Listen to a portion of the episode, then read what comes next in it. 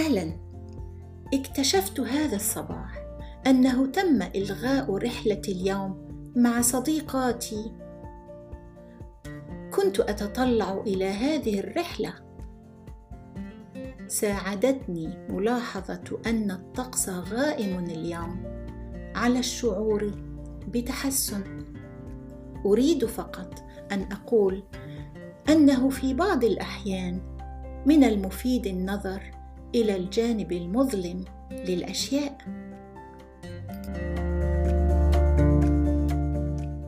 Check out my YouTube channel and my books on Amazon.